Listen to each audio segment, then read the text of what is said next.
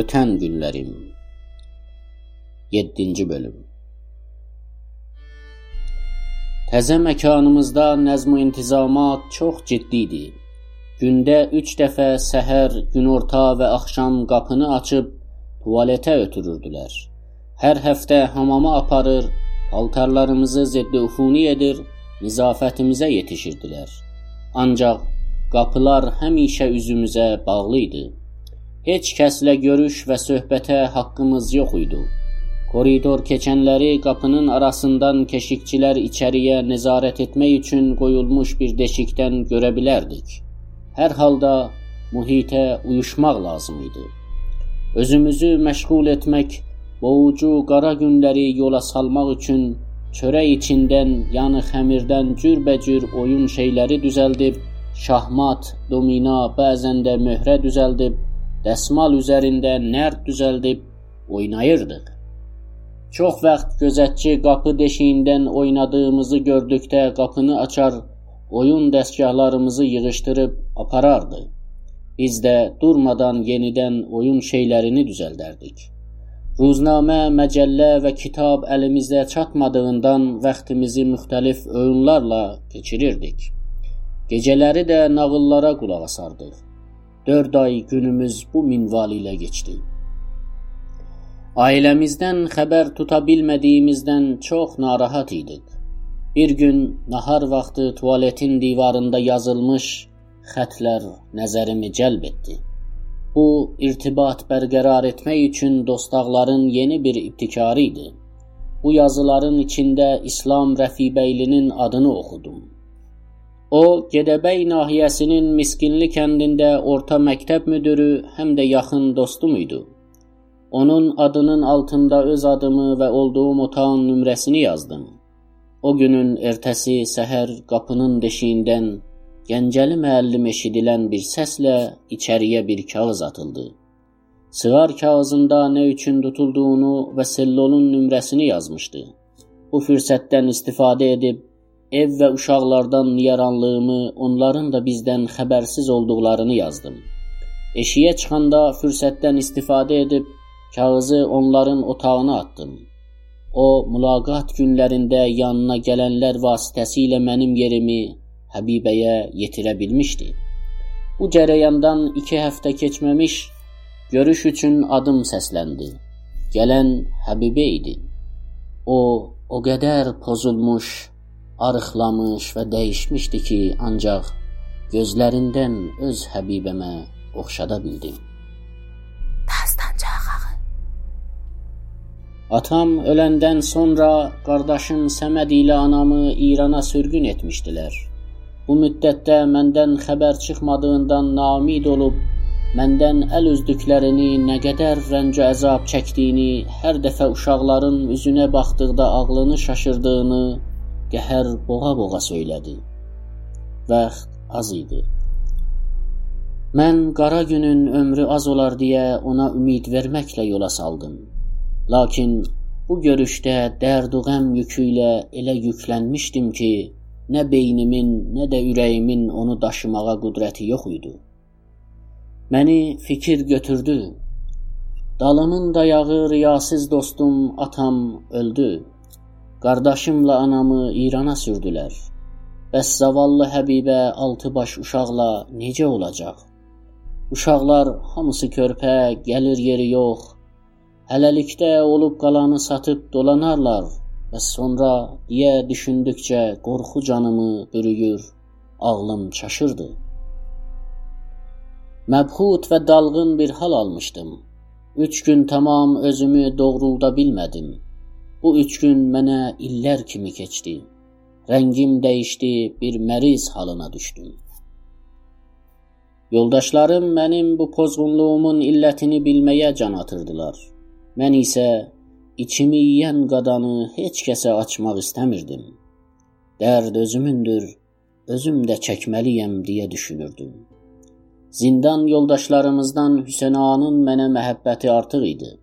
O Uca boylu, enli kürək, sağlam və tökmə bədən, xoşəxlaq və mehrəban bir adam idi. Mənə yaxınlaşıb Nəhayət adam öz ürək dərdini, sırrını bir nəfərə açmalıdır. Yoxsa qəm adamı çürüdər, qəlbini partladar. Atalar demişkən, nəm duvarı, qəm də igidi yıxar. deyə məni danlamağa başladı. Gördüm ağıllı söz deyir. Bütün cərəyanı ona söylədim. Doğrusu danışdıqca özümdə bir yüngüllük hiss edirdim. O diqqətlə məni dinlədi. Niyaranlığım üçün mənə haqq verdi. Bunlar hamısı öz yerində doğrudur. Ancaq sən bu fikir xəyalla özünü ortadan aparmağının xanvadənə nə kömək ola bilər deyə mənə sual verdi. Cavabım olmadığını duyduqda əgər sənin doğrudan da öz uşaqlarına, qadınına əlaqən varsa, doğrudan da onları sevirsənsə, gərək yaşamaq üçün bu zindan bucaqlarında tab gətirəsən. Söyüd ağacı kimi hər əsən yelin qarşısında əsməyəsən. Qabağına çıxan bütün uğursuzluqlarla mübarizə edib diri qalasan ki, bəlkə bir gün onların dərdinə dəyə biləsən, dedi. Onun sözləri məni silkələdi, sanki yuxudaydım, ayıldım. Doğru deyirsən, dedim. Atalar demişkən min fikir bir borcu ödəmir. O dəqiqədən arsızlıq sazını əlimə aldım. Söhbətlərə qarışmaq, şahmat, nərd oynamaqla hər şeyi unutmağa çalışdım. Uşaqlar Həbibə yadıma düşüb qəm yükü ürəyimə ağırlıq edəndə var qüvvəmlə bu barədə düşünməyəcəyəm deyə fikri başımdan çıxarmağa çalışırdım.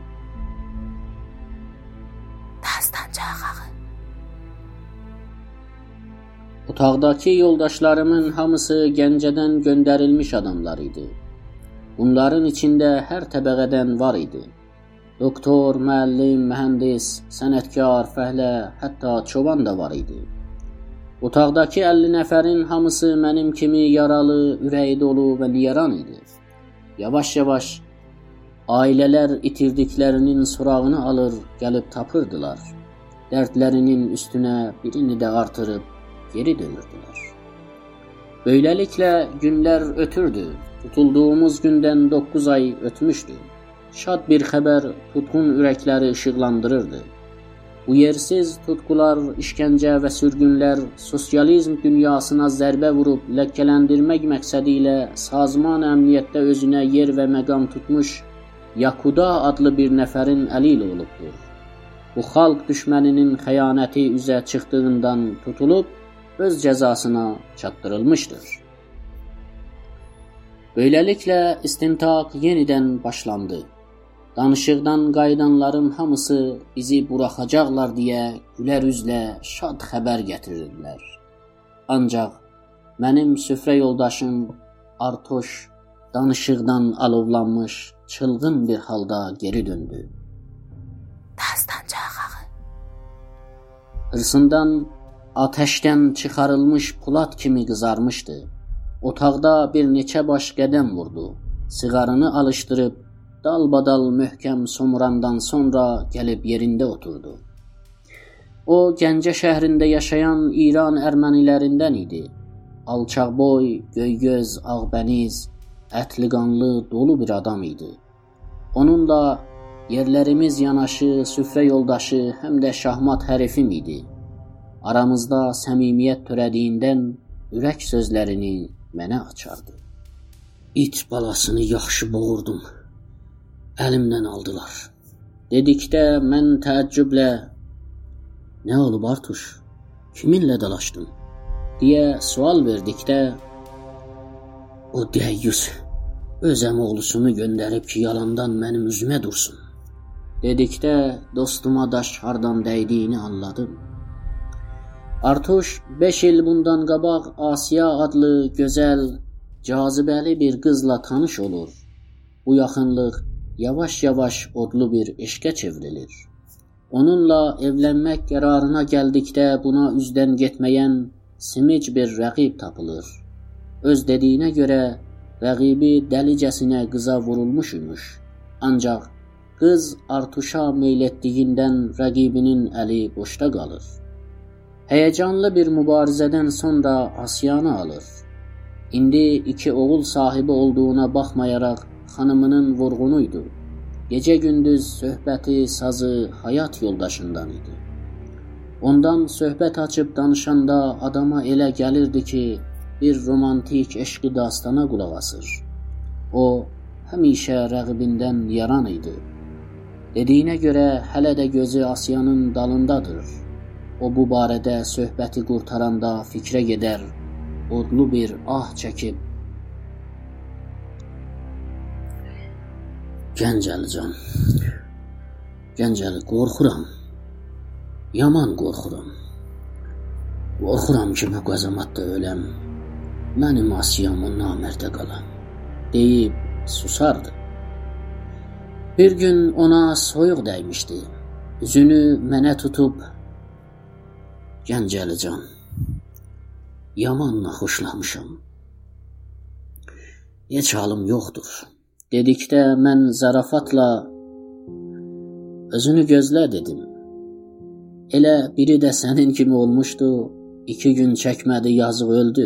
Dedikdə Artuş qah-qah çəkib güldü. Əlini qabağa gəlmiş qarnına vurub Ara. Mənim qarnımın piyi əriyənə kimi sənin sümüklərin də əriyər, dedi. Doğrusu onun bu sözünün qabağında cavab tapa bilmədiyimdən mən də ona qoşulub güldüm. Axı doğrudan da mən bədəndən çox zəif idim. Mütəəssifanə o Pulat kimi sağlam və möhkəm kişini qəm yıxdı, yaman da yıxdı. Bu cərəyandan 2 ay keçmişdi. Yayın isti günlərində o mərizlədi. Mərizxanaya apardılar.